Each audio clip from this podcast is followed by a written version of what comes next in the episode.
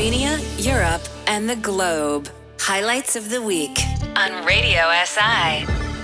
Welcome to the latest edition of Highlights of the Week here on Radio Slovenia International. I'm Nita Petkovic, and I'll be the one making a short recap of some of the major news making headlines around the world this week. Thanks for joining us. Slovenia and Algeria signed a memorandum of understanding on energy cooperation. It came as Foreign Minister Tanja Fajon and Infrastructure Minister Bojan Kumer were paying a visit to Algiers. This will be an important energy agreement for the supply of natural gas to Slovenia in the next three years. I'm happy that we managed to secure this supply with energy products from Algeria in a relatively short time. Almost the entire European Union now receives natural gas from Algeria, and it will be an important source for us in the coming years. The gas will be delivered through Italy starting on the 1st of January. Two people were killed in Poland after a missile landed in a village near the Ukrainian border. It was not clear who was responsible at first, as there was no evidence. US President Joe Biden said it was unlikely it was from Russia. It's unlikely in the minds of the trajectory that it was fired from Russia, but we'll, we'll, see. We'll see. NATO and Poland later said the missile was most likely launched by Ukraine's anti aircraft defense and not by Russia, something which Ukrainian President Zelensky denied. The G20 two day meeting took place in Bali, Indonesia. Taiwan was top of their agenda. The summit was overshadowed by the war in Ukraine and worries over global inflation, food, and energy security.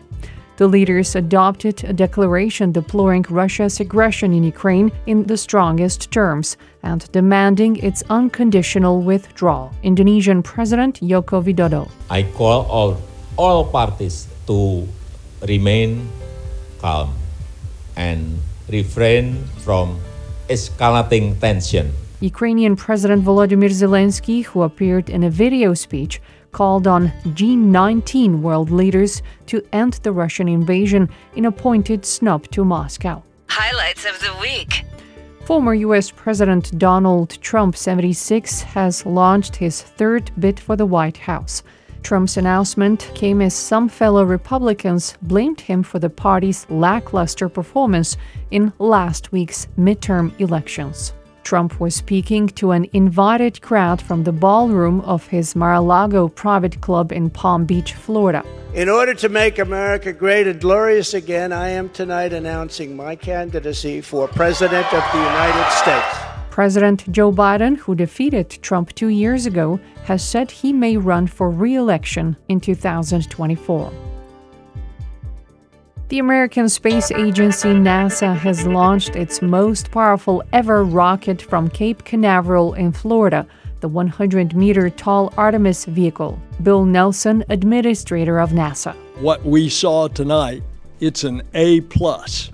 It's a test flight. Took a long time coming to get here. Last time we were on the moon, Apollo 17, and we still have a long ways to go and this is just the test flight. This spacecraft, known as Orion, is uncrewed for this particular flight, but if everything works as it should, people will climb aboard for future missions that go to the lunar surface. And the United States has determined that Saudi Arabia's de facto leader, Crown Prince Mohammed bin Salman, has immunity from a lawsuit filed by murdered journalist Jamal Khashoggi's fiancée. Khashoggi, a prominent Saudi critic, was murdered at the Saudi consulate in Istanbul in October 2018. U.S. intelligence has said it believes Prince Mohammed ordered the killing, but in court filings, the U.S. State Department said he has immunity due to his new role as Saudi Prime Minister. Khashoggi's ex fiancee wrote on Twitter that Jamal died again with the ruling. Slovenia, Europe, and the globe. Highlights of the week on Radio SI. Slovenia elected its first woman president this week, defeating former Foreign Minister Anže Logar in Sunday's runoff with almost 54% of the vote, was 54 year old lawyer Natasha Pirc Musar. In her first address, she said she would work hard for human rights and democracy in her term. Zavedam se, da nikoli vsem ne bo vse všeč. I am aware that not everyone will always agree with everything, and I hope that citizens are aware of this. But if I set myself the goal of the Constitution and fundamental human rights, and the future, not the past, we all probably have a better chance of not standing on different shores for too long, as there are so many topics that unite us. Tem, ki nas lahko povežejo. A newcomer to politics, Pirc Musar won six out of the eight electoral units. The new president hopes for a consensus on strategic issues. She announced that her first move as president would be to host a meeting with the leaders of parliamentary parties.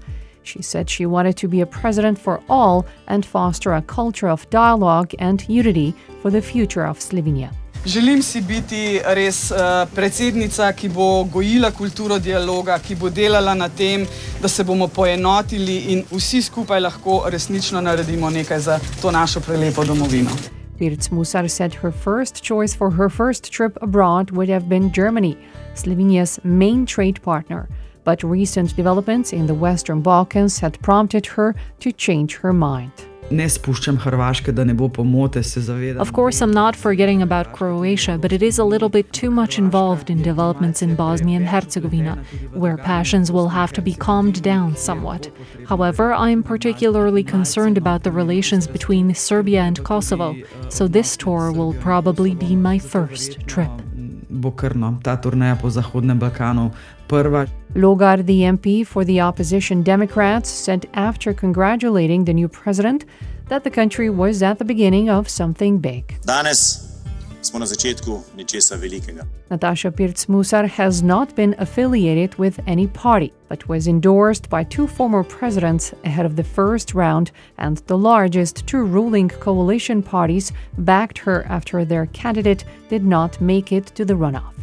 She served two high profile terms as the country's first information commissioner and several years as a news anchor. That's it for this week. You can join us again next weekend, same place, same time. Have a nice end of the week. Goodbye. The most important news from Slovenia, Europe, and around the globe. Highlights of the week. Saturdays at 225 on Radio SI.